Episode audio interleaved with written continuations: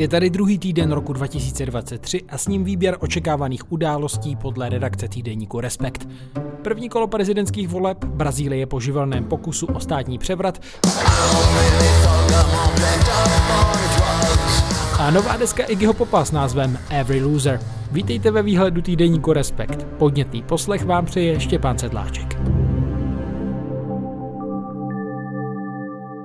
Pokud nepřiletí nějaká mimořádná černá labuť, tak událostí týdne v Česku budou bez zesporu prezidentské volby. V aktuálním čísle Respektu s pořadovým číslem 2 mimo jiné najdete rozhovory s předními kandidáty i shrnutí toho, co volby zřejmě rozhodne. Také jsme pro vás natočili podcast, kde schrnujeme klíčové momenty nedělní super debaty České televize.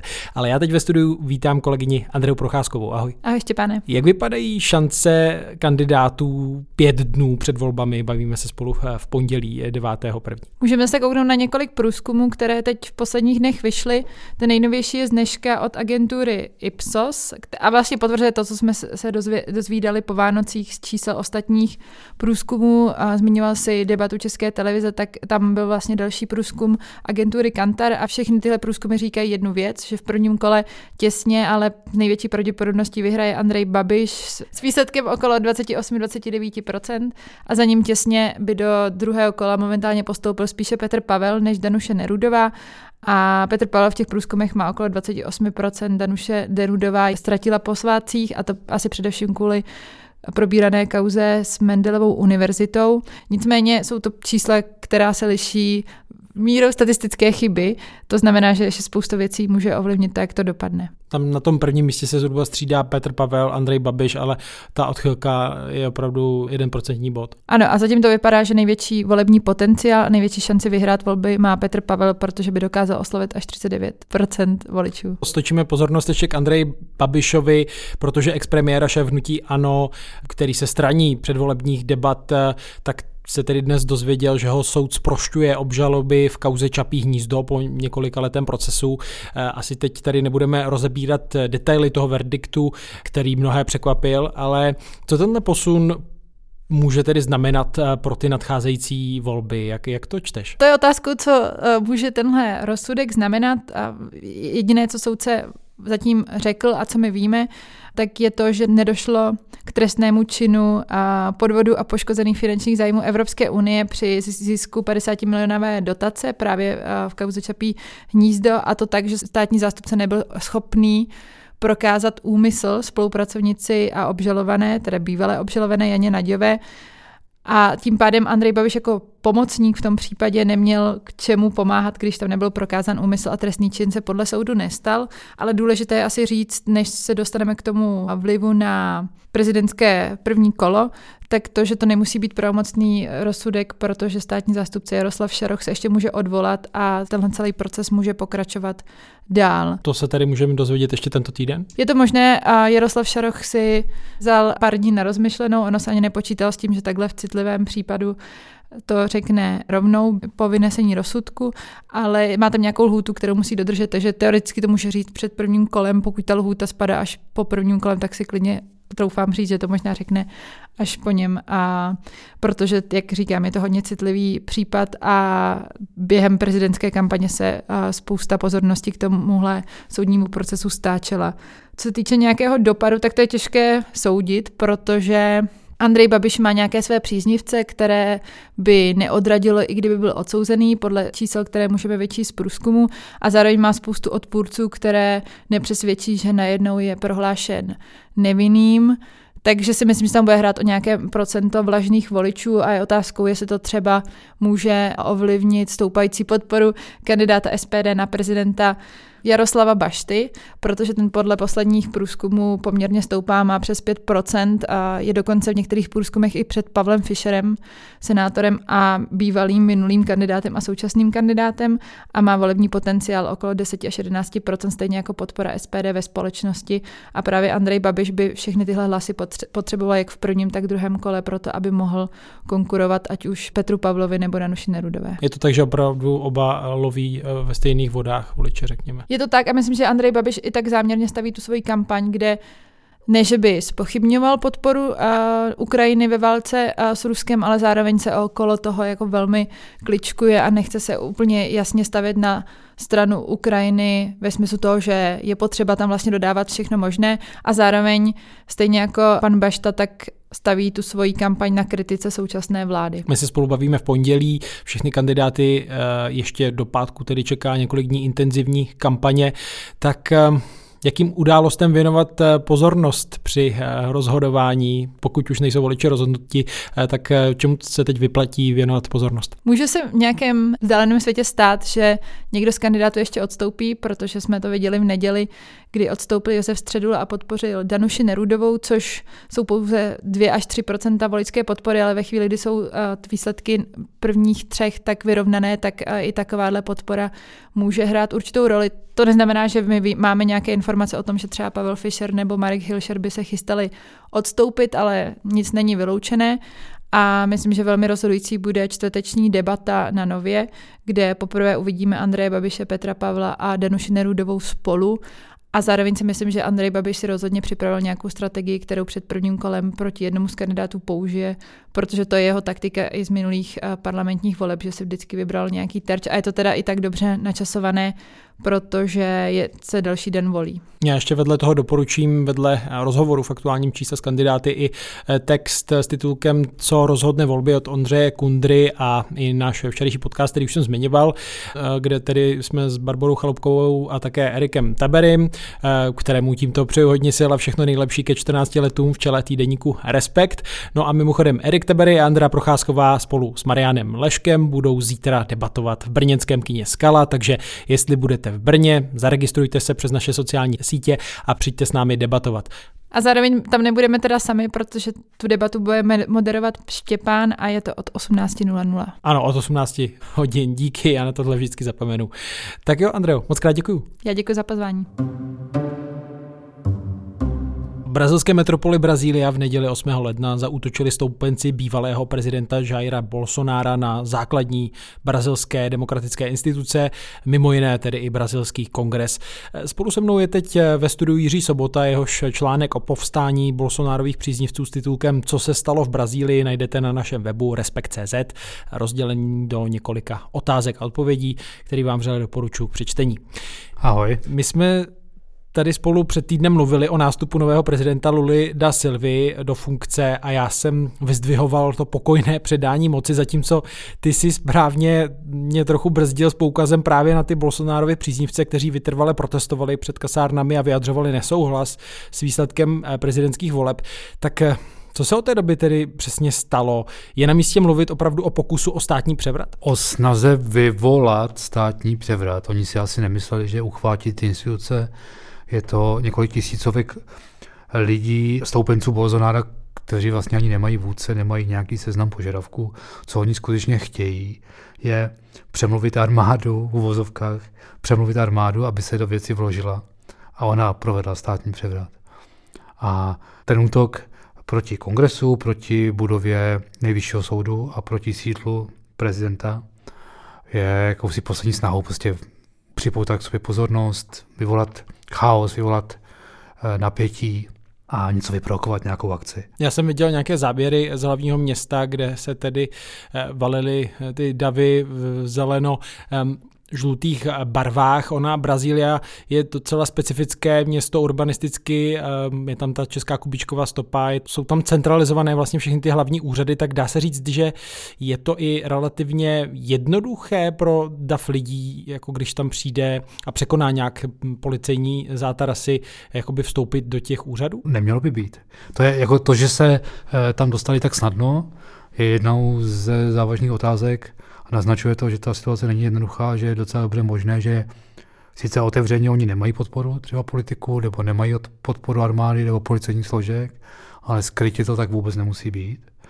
Příznivci Bolsonára vlastně kempovali už od voleb před kasárnami, které jsou v Brazílii a od těch kasáren k těm budovám je to 8 kilometrů po širokých bulvárech a tak, kde všichni vidí, co se děje a tak dále. V tom prezidentském paláci by měla být posádka vojenská, která je to hlídá tak. Takže O nějakém momentu překvapení tam asi nemůže být řeč. Eh, o nějakém momentu překvapení není možný vůbec mluvit. Jo. Buď někomu to bylo jedno, nebo to bylo špatně organizováno, a, a, a zpěvě k tomu samozřejmě, že pak je to takový ten klasický latinskoamerický nepořádek, který tam panuje v těch institucích. To se teprve uvidí. Jedna z reakcí, která je, je, že nejvyšší soud vlastně při, za, odvolal z funkce guvernéra státu distriktu federál, na jehož území to hlavní město leží. Právě pro podezření, že ta laxnost eh, byla až podezřele velká. Jair Bolsonaro ještě před inaugurací nového prezidenta odletěl do Spojených států, tak um, Jaká byla jeho reakce? On to víceméně odsoudil. Ano, on to tak jako odsuzuje od, od počátku, ale on především mlčí. Což někteří interpretují tak, že vlastně k tomu dává tichý souhlas. Základní východisko toho je, že Bolsonaro od počátku už dlouhé měsíce, možná dokonce dlouhé roky, říká, že ty volby budou sfalšované. To znamená, že on tu situaci připravuje. Je to, je to populistický, kontroverzní, byl to populistický, kontroverzní prezident, který vlastně to celé líčil jako boj, boj jeho, sebe sama, jako jakési brazilského osvoboditele proti establishmentu, který je prohnědý, skrumpovaný a všechno ukradne, včetně těch voleb. Čili on tu situaci jako připravil. Je, je pravda, že z Brazílie odletěl, nedá se říct, že by stál v čele, ale byly, byly, byly zprávy o tom, že jeho synovec se účastnil toho útoku. A myslím, že nejsou potvrzené, nebo já nevím, jestli jsou potvrzené v tuto chvíli. Ano, a on to potom tak jako vlažně odsoudil s tím, že on sám stál vždycky na straně zákona. Já myslím, že v řadě posluchačů bliká kontrolka Trump, eh, že tam je jako takový rukopis nebo inspirace, která je asi na snadě, tak vidíš to tam taky, že to je vlastně... No jednoznačně, jednoznačně, tam ta inspirace je veliká, navíc si myslím, že oni, nebo Bolsonaro se určitě hodně dobře díval na to, jak, proč to v Americe nedopadlo tak, jak to dopadlo. Zároveň on je v jiný situaci samozřejmě, protože ta Brazílie asi nemá takovou úctu, jak se přesvědčil Lula nemá takovou úctu k třeba k bývalým prezidentům jako Amerika. Takže tam to nebezpečí, že pokud se do něčeho namočí, tak nedopadne dobře. To znamená, že třeba skončí on sám ve vězení, eh, je asi možná větší, než eh, co hrozí Trumpovi ve Spojených státech. Má to, že on sám je v tuto chvíli na Floridě a není v Brazílii, naznačuje, že má obavy, že by eh, nemusel dopadnout dobře. Nakonec Lula mluví už dnes otevřeně o tom, že Bolsonaro je jakýmsi autorem brazilské genocidy. To je v souvislosti s tím, jak reagoval na pandemii COVID-19, pospíš nereagoval. Čili on se zřejmě bojí toho, jak dopadne, snaží se stát stranou a doufá, že se to tak nějak odehraje bez něj a snad, že se k tomu v pravý okamžik třeba přidá. Je reálná možnost, že by vlastně zůstal v exilu, stal se z ní takový vyhnanec. Rozhodně, rozhodně ta možnost je, protože mu opravdu asi hrozí vyšetřování a stíhání. Teď se to vystupňovalo na Lula, eh, ho z toho přímo obvinil, z toho, že to připravoval, nebo že to prostě podporoval zákulisně. Nevím, jestli na to má nějaké důkazy, to ne, neumím říct, oni tvrdí, že vědí, kdo třeba platil ty autobusy, kterými si připravovali a takhle to Eh, zatím z nic konkrétního nezaznělo. A tam je asi důležité si říct, že tam klíčový, klíčovým prvkem v tom je ta armáda. Pokud by armáda se postavila na stranu těch zbouřenců, tak samozřejmě by to bylo vážné. Ona to otevřeně nedělá zatím. Hmm, na to jsem se chtěl právě zeptat, že zatím to vypadá, že armáda i přes ty dlouhotrvající protesty vlastně zůstává tedy na straně té moci demokraticky zvolené. Drží se stranou, myslím, že se do ty politiky nechce plést na této úrovni, vypadá to tak. Myslím, že v tom ne- neexistuje nic zhoda ani uvnitř, ty, uvnitř armády.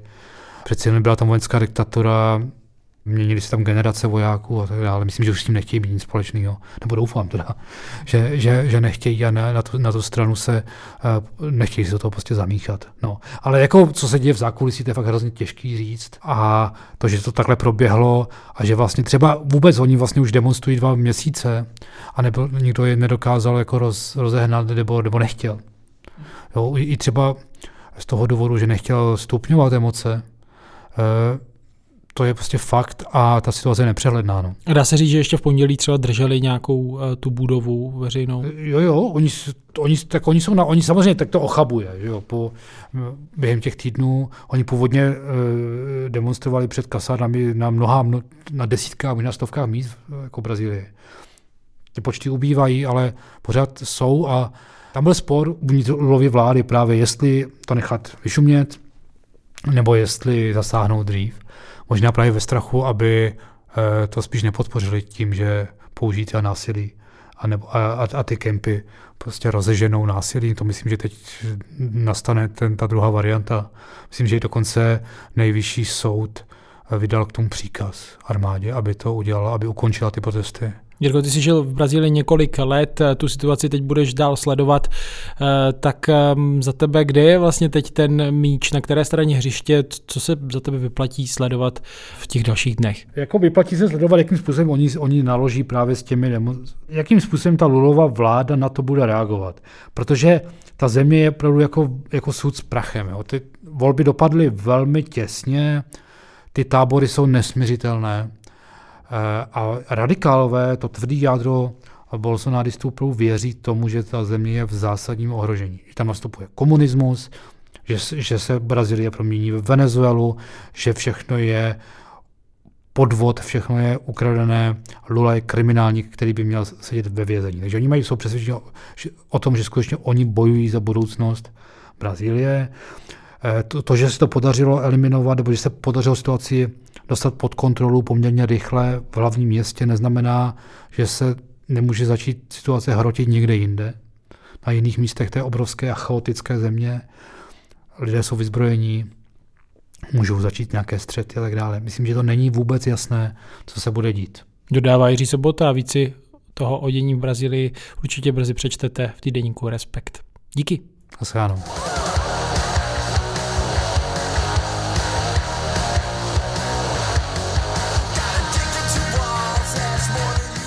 Posloucháte úryvek ze songu Frenzy, neboli běsnění či šílení, kterým 75-letá punková legenda Iggy Pop zhruba před měsícem lákal na své nové album s názvem Every Loser. To vyšlo o víkendu a tento týden ho tak asi do svých playlistů zařadí nejeden rokový fanoušek, včetně kolegy Pavla Turka. Ahoj Pavle. Čau, nazdar. Tak já jako rokový fanoušek už to mám v playlistu.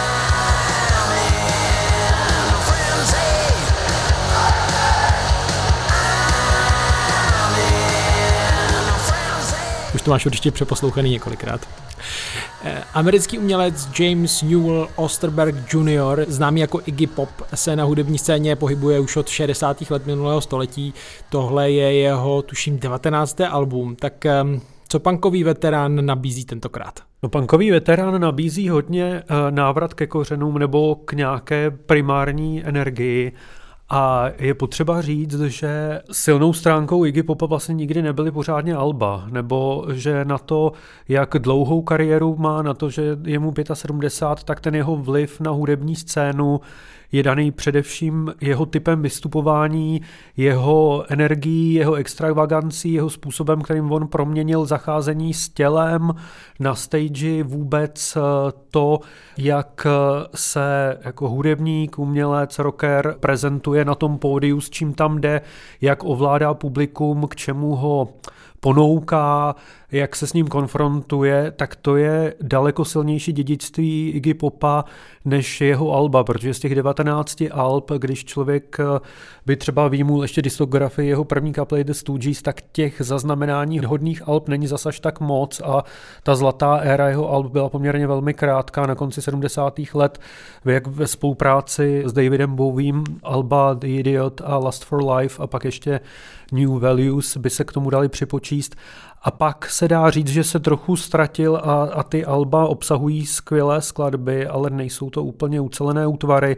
A je pozoruhodné, že ta nejlepší, nebo z mého pohledu ten nejlepší segment té diskografie se odehrává právě v posledních 10-12 letech, kdy především díky albu Post Pop Depression z roku 2016 Iggy Pop dokázal najít eh, cestu, jak dělat eh, dobrá alba a to je dáno především tím, že si k sobě dokáže najít vhodné spolupracovníky nebo vhodné producenty, kteří mu udělají zázemí, půdorys, drží ho na zemi a on pak může lítat a vlát eh, nad tou hudbou a nad tím albem. Ale když je Iggy Pop sám trochu režisérem té věci, tak není úplně nejlepší. A teda, abych odpověděl zpátky na tu první otázku, tak eh, tady se to povedlo úplně výborně, že eh, Iggy Pop může vlát a lítat nad poměrně pevně vymezeným a, definovaným hudebním terénem. Přece mohl bys trošku přiblížit tu náladu, ve, ve které se ta deska Every Loser nese, kdo, kdo by ji mohl třeba ocenit? Ta deska je avizovaná jako prostě s ničím se nepárat a narvat to rovnou do lidí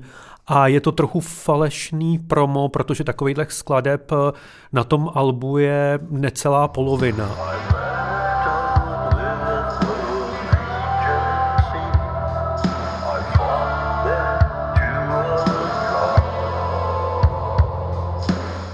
A zbytek toho alba jsou relativně klidné věci, šanzonovitý polohy a, a i balady, vyznání, vyznání uh, jeho uh, současnému bydlišti. Somewhere south of Alabama and north of Cuba. There lies a beautiful whore of a city. Miami, který on tam tituluje jako Nová Atlantida, že vlastně žije v ráji na zemi, ale ten ráj na, na zemi bude brzy, brzy pohlcen vodou, jako třeba i vlivem klimatický změn a tak podobně. Jako sugestivní balada, která se jmenuje Morning Show.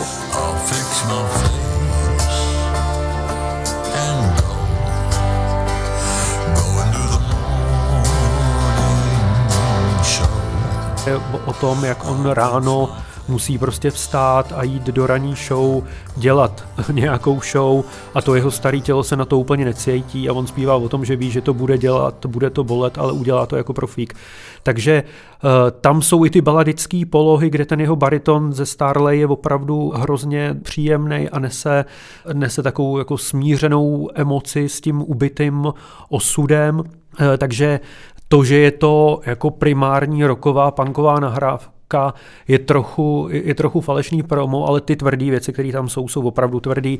A je to daný tím, že producent Andrew Watt, což je ústřední spolupracovník a vlastně mozek tohohle toho Alba schromáždil i Gimu Popovi eh, kapelu, která je složena z poměrně zkušených, zdatných eh, hudebníků, o e, generaci mladší, který posluchači a posluchačky můžou znát e, z kapel jako Foo Fighters, Red Hot Chili Peppers, uh, Jane's Addiction. Vlastně tahle ta generace, řekněme, 50-letých instrumentalistů, ať je to bubeník Chad Smith z Red Hot Chili Peppers, baskytarista Duff McKagan z Guns N' Roses, tak ty tvoří základ té kapely.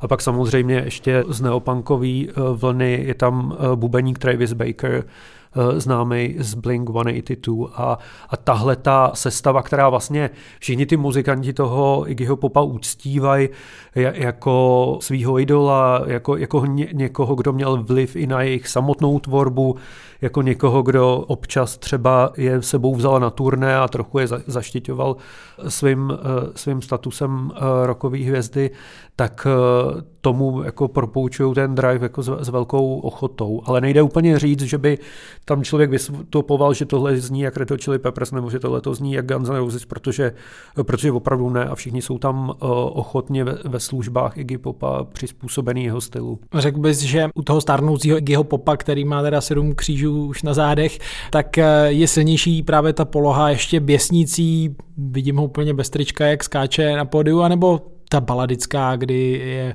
víc usebraný. Můj zážitek eh, třeba, protože jsem měl možnost vidět Iggy Popa teď v září ve vídeňském koncerthausu, což je historický koncertní prostor ze začátku 20. století, který vůbec není uspůsobený rokovým koncertům, není uspůsobený na elektrickou amplifikaci vlastně. A Iggy Pop tam předvedl jako strašně tvrdý koncert, který byl strašně na hlas a to publikum, který bylo na začátku usazený v těch sedačkách, tak během prvních 30 sekund se všechno zvedlo a, a přiběhlo k pódiu a Iggy Pop si s ním jako dokonalej manipulátor davu a, a psycholog davu fakt jako pohrával a, a provokoval ho a konfrontoval ho a flirtoval s ním a, a, a zároveň tam člověk viděl, že nástrojem Iggy Popa je dav, že nástrojem Iggy Popa je jeho vlastní publikum a do toho, do toho tam mm, jako hřměla eh, jeho současná koncertní sestava, jeho současná koncertní kapela, která je taky sestavená z lidí, eh, kterým je mezi 30 40 a ve směs jsou to členové jako různých eh, New Yorkských arpankových kapel, který měli svoje zlatý časy třeba v nultých letech a ta kapela má velkou špínu v sobě. Takže celý ten koncert Iggy Pop naživo chce pořád být dravej a tvrdý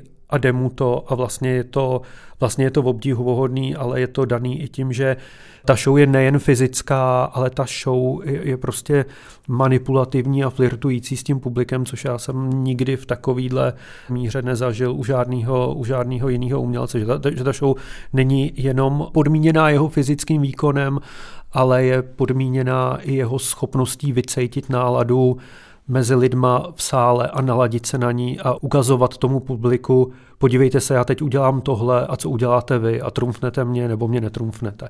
A pak na těch nahrávkách eh, se dá říct, že mimo uchu jsou příjemnější ty baladičtější polohy, kdy má snahu být trochu sebereflexivní, trochu eh, přiznávat nějakou bolest a, a trochu mluvit o stárnutí, protože ty tvrdé polohy jsou přece jenom o tom, že, že, že se prostě Iggy vytahuje, že na to pořád má a že, že pořád jako je schopný vlítnout na to, na to pódium a, a vydrtit tím fyzickým nasazením spoustu jiných kapel i o generace mladších. Když je řeč o tom, jak pracuje s publikem, tak eh, my, než jsme sem šli, tak eh, vím, že jsi zmiňoval, že je vlastně zajímavý, že ta deska vyšla v lednu, že vlastně ji podstrojil fanouškům úplně mimo takovou tu vánoční sezonu, kde vychází spousta alb. Tak eh, co zatím hledat? Tohle je eh, zvláštní marketingový načasování, není úplně obvyklý, eh, protože obyčejně se nové nahrávky směřují na vánoční trh, prospívá to prodejům, prospívá to streamům.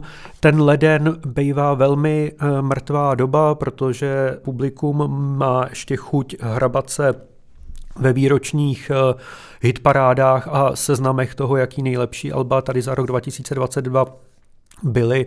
A ještě to trochu dohání celý ten rok. Nicméně tím, že je to mrtvý období, tak tam nekrade pozornost tomu albu žádný, jako, žádný jiný titul, žádná jiná velká deska. A dá se říct, že Iggy Pop se v tomhle možná inspiroval od svého vrstevníka a dlouhou dobu i mentora Davida Bowieho, protože David Bowie si v těch posledních fázích eh, své kariéry zvyknul vydávat eh, svoje nový alba okolo svých narozenin, což je právě eh, začátek ledna a jako jeho singly comebackový i jeho vlastně poslední album Black Star všechny vyšly na začátku ledna a zřejmě i tohle je indikátor toho, že, že to byl příhodný čas pro to, kdy ten mediální prostor je prázdný a není tak moc zahlcený novou hudbou. Punk's not dead ani v lednu. No a Iggy Pop is not dead hlavně. To je důležitý. Eh, kdo by ho chtěl vidět naživo, tak jsem koukal, že letos teda kromě těch koncertů ve Spojených státech bude i v Evropě. Tuším eh, v červnu 21. vystoupí ve Varšavě, pak v červenci v Londýně a myslím, že pak ještě ve Francii. Pavle, díky. Já děkuji za pozvání. Čau. Ahoj. Naslyšenou si těším. Štěpán Sedláček.